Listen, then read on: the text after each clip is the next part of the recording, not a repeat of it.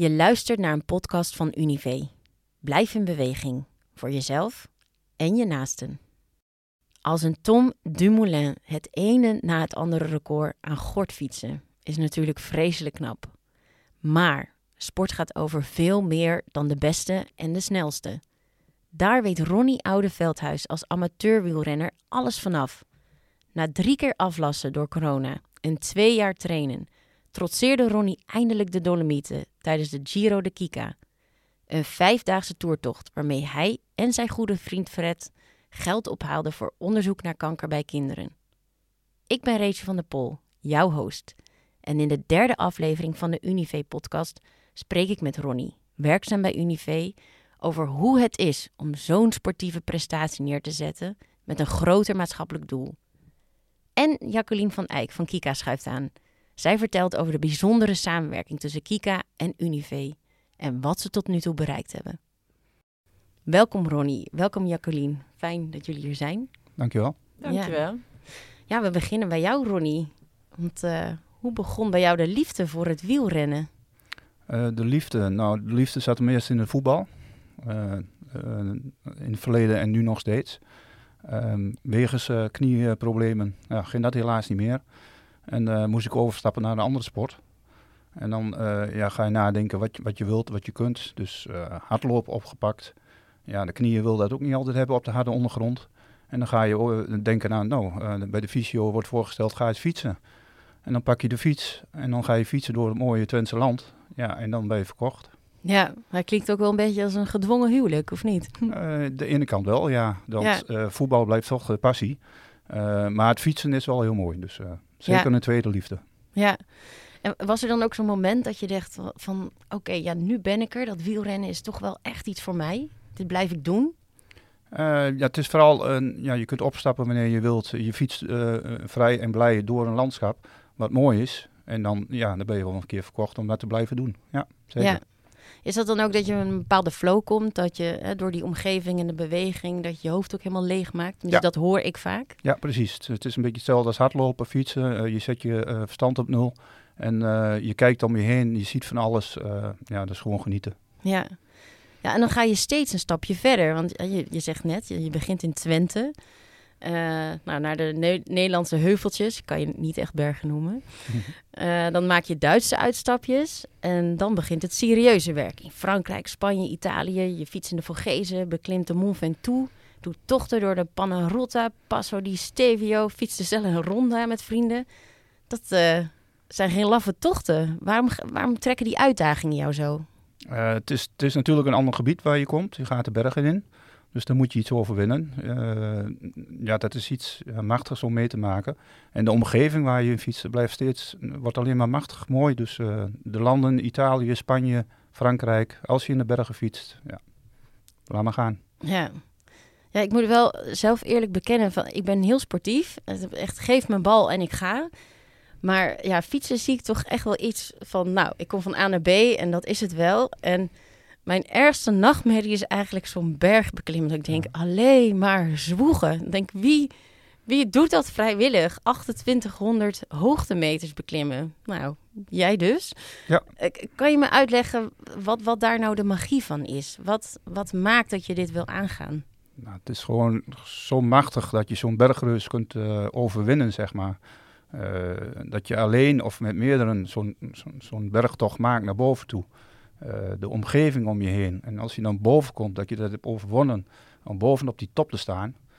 Uh, ja, het is machtig. En dan vooral als je dan nog om je heen kijkt naar de wijdse omgeving uh, van die bergreuzen, wat er allemaal omheen liggen. Ja, is prachtig. En maakt het dan extra mooi als je dat samen met vrienden kan doen? Ehm, ja, zeker. Ja, want je daagt elkaar toch wel weer een beetje uit van ja, wie het snelste boven kan wezen of niet. Dus als je het samen kunt doen, is zeker prachtig om te doen. Ja. ja. Zit jij dan ook vaak aan kop? Uh, ik ben meestal tweede. Meestal tweede. ja, en, en, dan komt die ultieme uitdaging op je pad. De Giro de Kika. Een vijfdaagse toertocht door de Dolomieten en de Passo di Selvio... met vijf bergetappes over 500 kilometer met 13.000 hoogtemeters. Het doel? Geld ophalen voor onderzoek naar kanker bij kinderen. Daar gaan we het zo over hebben. Gaan we naar deel 2 en dan uh, moet ik weer eventjes wat, een introotje. Ja. Ja, in 2019 geef jij je samen met een goede vriend, Fred, op voor de Giro de Kika. Uh, wat maakt deze toertocht voor jullie zo bijzonder? Uh, bijzonder is, ja, mijn kameraad Fred, die, die wees me erop op deze tocht. En uh, ja, het bijzondere is gewoon de uitdaging, het sportieve uitdaging wat erachter zit, zeg maar. dat je bergen kunt beklimmen en natuurlijk het goede doel erachter. Ja, ja, want er zit ook een persoonlijke reden achter jullie deelname. Ja, dat klopt. we zijn beiden een van onze ouders verloren door kanker. Dus dat is al een van de redenen. Daarnaast heeft Fred, mijn kameraad, meegedaan aan Alp de Zes. Dat is ook een voor kanker, zeg maar, een, bergbeklimmen van Alp de West, zes keer. daarin zag hij een, een grootvader lopen met een kruiwagen met stenen naar boven. En die had een bord bij zich met de naam van een kleinkind. En daar staat op van, mocht ik jouw last maar dragen. Ja, dat is, als je dat hoort, geef ja, je rillingen over de rug. Ja, ik merk het nu al, dat ja. je... Ja. Ik heb het niet eens zelf meegemaakt, maar... Nee, ja, ik ook niet, maar ik, ik, kreeg het van mijn vriend te horen en dan ja, ben je verkocht. Ja. Ja, wat doet dat met je motivatie als er iets groters dan jou hangt aan zo'n deelname? Uh, de motivatie is natuurlijk het uh, doel voor mij uh, om die, dat ik het kan en mag om die berg te beklimmen. Ja. en voor die kinderen dat ze die berg moeten beklimmen om die ziekte te overwinnen. Ja, dus jij hebt een keuze en zij niet. Precies. Ja. En hoe bereid je je voor op zo'n zware tocht? Want dat, dat vergt nogal wat training. Ja, klopt. Dus trainen, trainen, trainen. Veel fietsen.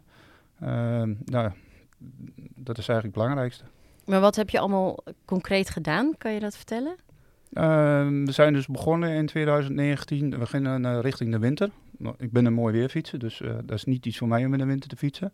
Vooral niet met nat weer. Ik vind het toch gevaarlijk. Dus wat dat betreft voor de veiligheid ook niet. Ehm, dan moet je dus andere dingen verzinnen. Dan koop je een fietstaks. Kun je je eigen fiets opzetten. Kun je met een schermpje ervoor. Kun je trainen. Uh, lijkt net of je de berg op fietst. En in het, mooie, in het mooie voorjaar ga je weer op de weg fietsen.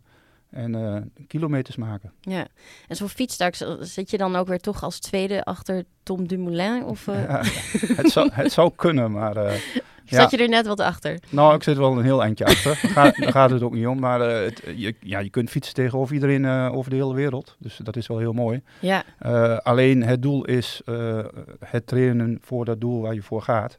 Dus ja. heel goed alleen gaat ook. Ja, en het is dus drie keer in. het is drie keer afgelast door corona, toch? Ja. Die tocht. Ja. hoe, hoe heb jij dat ervaren? Je, je, je, blijft maar doortrainen? Ja, de eerste keer was vervelend natuurlijk, want je bent er eigenlijk klaar voor en het gaat niet door. Uh, aan de andere kant was het wel goed, want het werd van juni verzet naar september. Dus ik ben een mooi weerfietser, dus je kunt goed doortrainen. Ja. Uh, helaas ging het in uh, september weer niet door. dat was wel vervelend, maar je kon het wel voorstellen door de coronamaatregelen. werd weer verzet naar het voorjaar, kon nog steeds niet. blijven doortrainen, die knop weer omzetten. En gelukkig de vierde keer ging het toen wel door. En uh, daar waren we heel blij om. Ja. ja, want dan is het 29 augustus 2021. Dan kun je eindelijk die Giro de Kika rijden. Uh, kan je me even meenemen in hoe was de sfeer, de omgeving? Hoe voelde je je? Ja, de, de sfeer is fantastisch. Want uh, je komt met een hele groep op een camping waar iedereen staat, zeg maar. alles is goed geregeld door de organisatie. voor die tocht. ja, iedereen is blij dat, dat, dat je mag fietsen. En uh, ja, mooi weer, mooie omgeving. Ja. Kan niet beter. En hoe, hoe ging het met de benen? Hoe ging het fietsen? Ja, prima. Ik had zoveel gefietst. Uh, Drie jaar getraind, ja, mag wel eens. Oh, ja, nee, twee jaar. Ja, en vooral dat laatste uh, jaar, van januari tot september, 4000 kilometer gefietst. Ongelooflijk. Ja, ik had het veel zwaarder verwacht, maar het viel me mee dus. Ja. En is er nog een moment of een ontmoeting die je, die je bijstaat van die tocht? Ja, eigenlijk heb ik er wel twee uh, wat, wat me bijstaat. Dat is uh, op de vierde dag, na de vierde etappe, uh, kwamen we over de finish en zaten Fred en ik bij elkaar. En we hadden wat vrienden ontmoet, die woonden rond de buurt van Rotterdam. En die hadden een eigen kameraad van hun, die was vier weken van tevoren voor die tocht overleden. dus die zie je die finish overkomen, die vallen elkaar in de hand met een biertje in de hand en ja, met emotie erbij. Dat is, ja, dat, dat doet me wel wat. En de tweede is uh, op de laatste dag bij de finish uh, zie ik de vader en zoon samen over de finish komen. Die vallen elkaar ook in de hand. die zoon heeft als kind ook kanker overwonnen. En is op 16-jarige leeftijd met zijn vader samen die toch gefietst. Ja, dat is ja, kippenvel weer. Onbeschrijfelijk, maar ja. heel mooi. En hoeveel geld hebben jullie uiteindelijk opgehaald met jullie deelname? Uh, Fred en ik hebben samen uh, eh, 8500 eh, euro opgehaald. Zo, en, en hoe, hoe krijg je zoiets voor elkaar? ja, dus, ja, het is meestal van je vrienden, familie, werk, collega's, waar je de aandacht aan geeft, zeg maar, waar je zegt wat je, ga, wat je gaat doen. En die dan een donatie voor je doen. Dus ja, we hebben eigenlijk geen speciale acties gedaan of zo. Dus echt van vrienden, familie, collega's hebben we dat geld bij elkaar gekregen. Er is gewoon heel veel welwillendheid. Ja, zeker. Ja. ja. en jullie hebben dus bijgedragen aan dat totaalbedrag. In totaal met de Giro de Kika is 1,1 miljoen euro opgehaald. Alleen al in, met de tocht in 2021. Jacqueline van Kika vertelt straks wat ze met dit geld uh, doen. En hoe ze hiervoor samenwerken met Unive. Dat hoor je straks. Nou Jacqueline, jouw tijd om te shinen. Al bijna twintig jaar zet Stichting Kinderen Kankervrij zich in voor een gezonde toekomst voor kinderen met kanker. Inmiddels is Jacqueline van Kieke aangeschoven. Jacqueline, wat hebben jullie in de afgelopen twintig jaar bereikt met Kieke?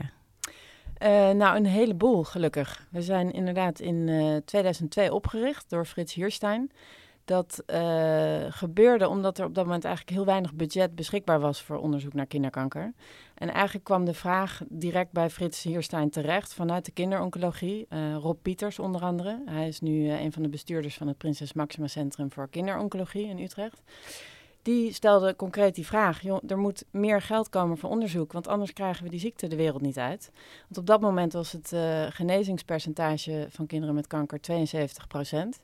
En op dat moment uh, dat Stichting Kinderen Kankervrij is opgericht, is dus heel veel geld opgehaald. En kunnen we inmiddels melden dat uh, dat overlevingspercentage is gestegen naar 81 procent. En dat wil zeggen dat van alle kinderen die dus de diagnose kanker krijgen, 81 procent na vijf jaar nog in leven is. En dat betekent dus dat uh, ja, dat, dat, dat een enorm verschil is met toen Kika startte. Dus voor ons een, een super mooie mijlpaal en een extra motivatie om door te gaan. Want dit is dus de bevestiging dat wat we aan het doen zijn echt helpt. Onderzoek helpt. Het is, het is in die zin geen uh, wetenschappelijk probleem. Het is een financieel probleem. Er moet gewoon genoeg onderzoek gedaan kunnen worden. Dan kan die ziekte de wereld uit. Ja, ja ongelofelijke fruitgang. Dat, uh, ja, ja. Vaak uh, zien we in de media van wat misgaat. en het is zo belangrijk om dit, deze vooruitgang ook te vieren. Het probleem met cijfers is alleen dat, we, dat het zo'n vaak zo'n abstracte beleving ervan is. Dan zeg je, oh ja, 10% vooruit. Maar dat gaat over kinderlevens. Uh, wat, wat, betekent deze stijging van overlevingskansen concreet voor kinderen met kanker als je, als je dat doorvertaalt naar de praktijk? Nou, de, heel concreet is dat je kunt zeggen dat toen wij startten met uh, Stichting Kinderen Kankervrij, één op de ongeveer 3,5 kinderen uh, de ziekte niet overleefde. En dat is dus nu inmiddels één op de bijna vijf kinderen. Dat is natuurlijk een aanzienlijk verschil. En ik vind ook wel uh, belangrijk om nog te benadrukken dat er niet, er wordt niet alleen maar onderzoek gedaan naar de oplossing van die ziekte, dus naar de genezingskans, maar ook naar de uh, verbetering van de behandelingen van kinderkanker. Want die zijn natuurlijk mega zwaar voor zo'n klein kinderlijfje. En er wordt ook heel veel onderzoek gedaan om die behandelingen beter te maken, uh, met minder pijn, minder bijwerkingen op het moment van de behandeling, maar ook op latere leeftijd. Dus die kwaliteit van leven van de kinderen die die ziekte ondergaan, moet ook omhoog. En daar wordt gelukkig ook heel veel onderzoek naar gedaan. Ja, ja want dat is natuurlijk ook, ik bedoel, op het moment uh, dat je kankervrij bent, is het niet afgelopen. Nee, nee dat, dat zegt Frits Hierstaan altijd heel mooi. We streven natuurlijk naar 100% genezing. Maar ook als we dat halen, en dat gaan we halen, wanneer weten we alleen nog niet precies. Maar als we dat halen, kunnen we alsnog niet bij Kika de deuren sluiten. Want dan zijn we er nog niet. Dan moet die kwaliteit van leven inderdaad nog verder omhoog. En dat loopt natuurlijk parallel aan elkaar. Het is niet dat ze dan pas gaan beginnen met, nou, nu gaan we kijken hoe die kwaliteit van leven omhoog kan, uh, kan gaan. Daar wordt natuurlijk nu al heel veel onderzoek naar gedaan. Maar dat, uh, ja, dan zijn we er nog niet. Dus nee. uh, er is nog heel veel geld voor onderzoek nodig. Ja. Ja, je zei het net al, jullie willen naar de 100% genezing. En hiervoor hebben jullie onlangs, ik geloof echt afgelopen week pas, um, de handen ineengeslagen met Unive. Hoe hebben jullie elkaar gevonden in dit doel? Nou ja, dat, dat, we hebben elkaar al een tijdje geleden gevonden, gelukkig. Uh, uh, dat is eigenlijk uh, gebeurd doordat Diana Monissen, zij was tot twee jaar geleden bestuursvoorzitter van het Prinses Maxima Centrum voor Kinderoncologie. En daar hebben wij een hele mooie nauwe samenwerking mee, want mede dankzij financiering van Kika is dat centrum er gekomen. Dus we hebben een sterke band met het Maxima en dus ook met Diana Monissen. En zij heeft ook persoonlijke ervaring met kinderkanker in haar familie. En uh, zegt zelf altijd dat ze uh, voor haar leven lang uh, ambassadeur is van Kika. En zij heeft ons geïntroduceerd bij Unive, omdat zij dacht: hé, hey, die twee merken staan eigenlijk voor hetzelfde. die moeten we met elkaar in contact brengen. En toen hebben daar een aantal gesprekken plaatsgevonden. En eigenlijk was de klik er meteen. En ja, werd al snel duidelijk dat daar een hele mooie samenwerking uit kon voortkomen. En die, die gaat binnenkort, nou, nou, eigenlijk as we speak, gaan we die lanceren. Ja. Ja.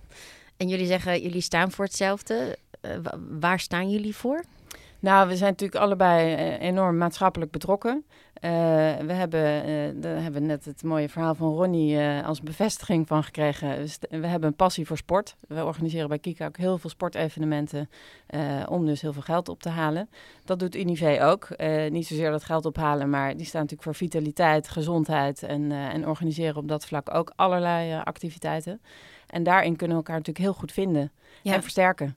En kan je daar een concreet voorbeeld van noemen? Hoe zo'n samenwerking uh, eruit kan zien? Waarvan je zegt, oh, uh, hierin kunnen we echt meer impact samen maken? Ja, zeker. Uh, dat is een mooi voorbeeld wat, wat echt voor de deur staat. We gaan eind dit jaar, de week voor de kerstvakantie, een korte broekenactie organiseren vanuit Kika. Het is eigenlijk een initiatief van een jongetje van tien, Pim, die vorig jaar in zijn korte broek is gaan lopen voor Kika, omdat zijn beste vriendje ziek werd. En uh, hij het zo vreemd vond dat, dat jochie dus van de een op de andere dag niet meer op school was. Uh, wilde hij iets doen om daar aandacht voor te vragen. Dus die ging in zijn korte broek lopen. Die heeft daar uiteindelijk 14.000 euro mee opgehaald met zijn school. Ja. En daar zijn wij natuurlijk naartoe gegaan. Uh, een officieel checkmomentje. En uh, hij heeft zelf regionaal heel veel media gehaald. We hebben het jeugdjournaal erbij gehaald. En hebben toen met hem afgesproken, dat gaan we volgend jaar samen groter maken. Dus dit jaar roept Rijn, en of sorry, Pim, inmiddels met zijn weer beter uh, geworden vriendje Rijn, heel Nederland op om in, in korte broek naar school te gaan. Of naar je werk of thuiswerk inmiddels weer. Uh, en die, die campagne gaan we dus samen uitrollen. En dat is een heel concreet voorbeeld waarin Unive ons enorm kan steunen. Door hun loyale, grote mega-achterban te informeren over deze actie. En dus op die manier zoveel mogelijk mensen in de korte broek te krijgen. Wat een geweldig vrolijke actie. Ja, nou, ja. Dat, daar worden wij dus ook heel vrolijk van. Ja, dat snap ik. Ja, enorm bedankt voor deze toelichting. Um, dan toch eventjes terug naar Ronnie. Ga jij volgend jaar weer de Giro de Kika doen of even een jaartje rust? Nou, rust niet. Met Giro de Kika ga ik ook een jaartje overslaan, want ze gaan weer naar hetzelfde uh, gebied toe. Mm -hmm. uh, ik heb wel een andere uitdaging gestaan met een stel vrienden. Gaan we uh, dwars door de Pyreneeën. Dus ook ongeveer zes dagen van de Atlantische kust naar de Middellandse Zee. Nou, misschien moet Jacqueline hem dan rijden. Nou, dat is grappig dat je dat zegt, want ik ga hem rijden. Oh, echt? Dus ik heb al met Ronnie afgesproken dat wij dadelijk even wat, uh, dat hij wat tips uitwisselt. Want ik ben dus geen fietser. Nog niet. Ik heb nu een paar rondjes gefietst. Ik heb wel een tax. Nou, daar ligt een trainingsschema van twee jaar voor jou klaar. Ja, nou, ik heb dus hopelijk niet zo lang. Want hopelijk gaan we in juni 22 wel echt gewoon uh, fietsen. Uh, maar ik moet dus vol aan de bak, ja. Nou, laat maar komen. Zeker weten. Ja. Hey Ronnie en Jacqueline, enorm bedankt dat jullie hier waren. Ik ben zelf bijna enthousiast geworden over wielrennen. maar ja, zeker te weten geïnspireerd door wat jullie doen voor Kika. Dus uh, bedankt voor jullie komst. Graag ja, gedaan, graag dankjewel. Gedaan. Dit was een podcast van Unive, waarin we verhalen vertellen die je in beweging brengen. Luister naar de podcast via NRC Audio, Spotify, iTunes en via de Facebookpagina van Supporter van Sport.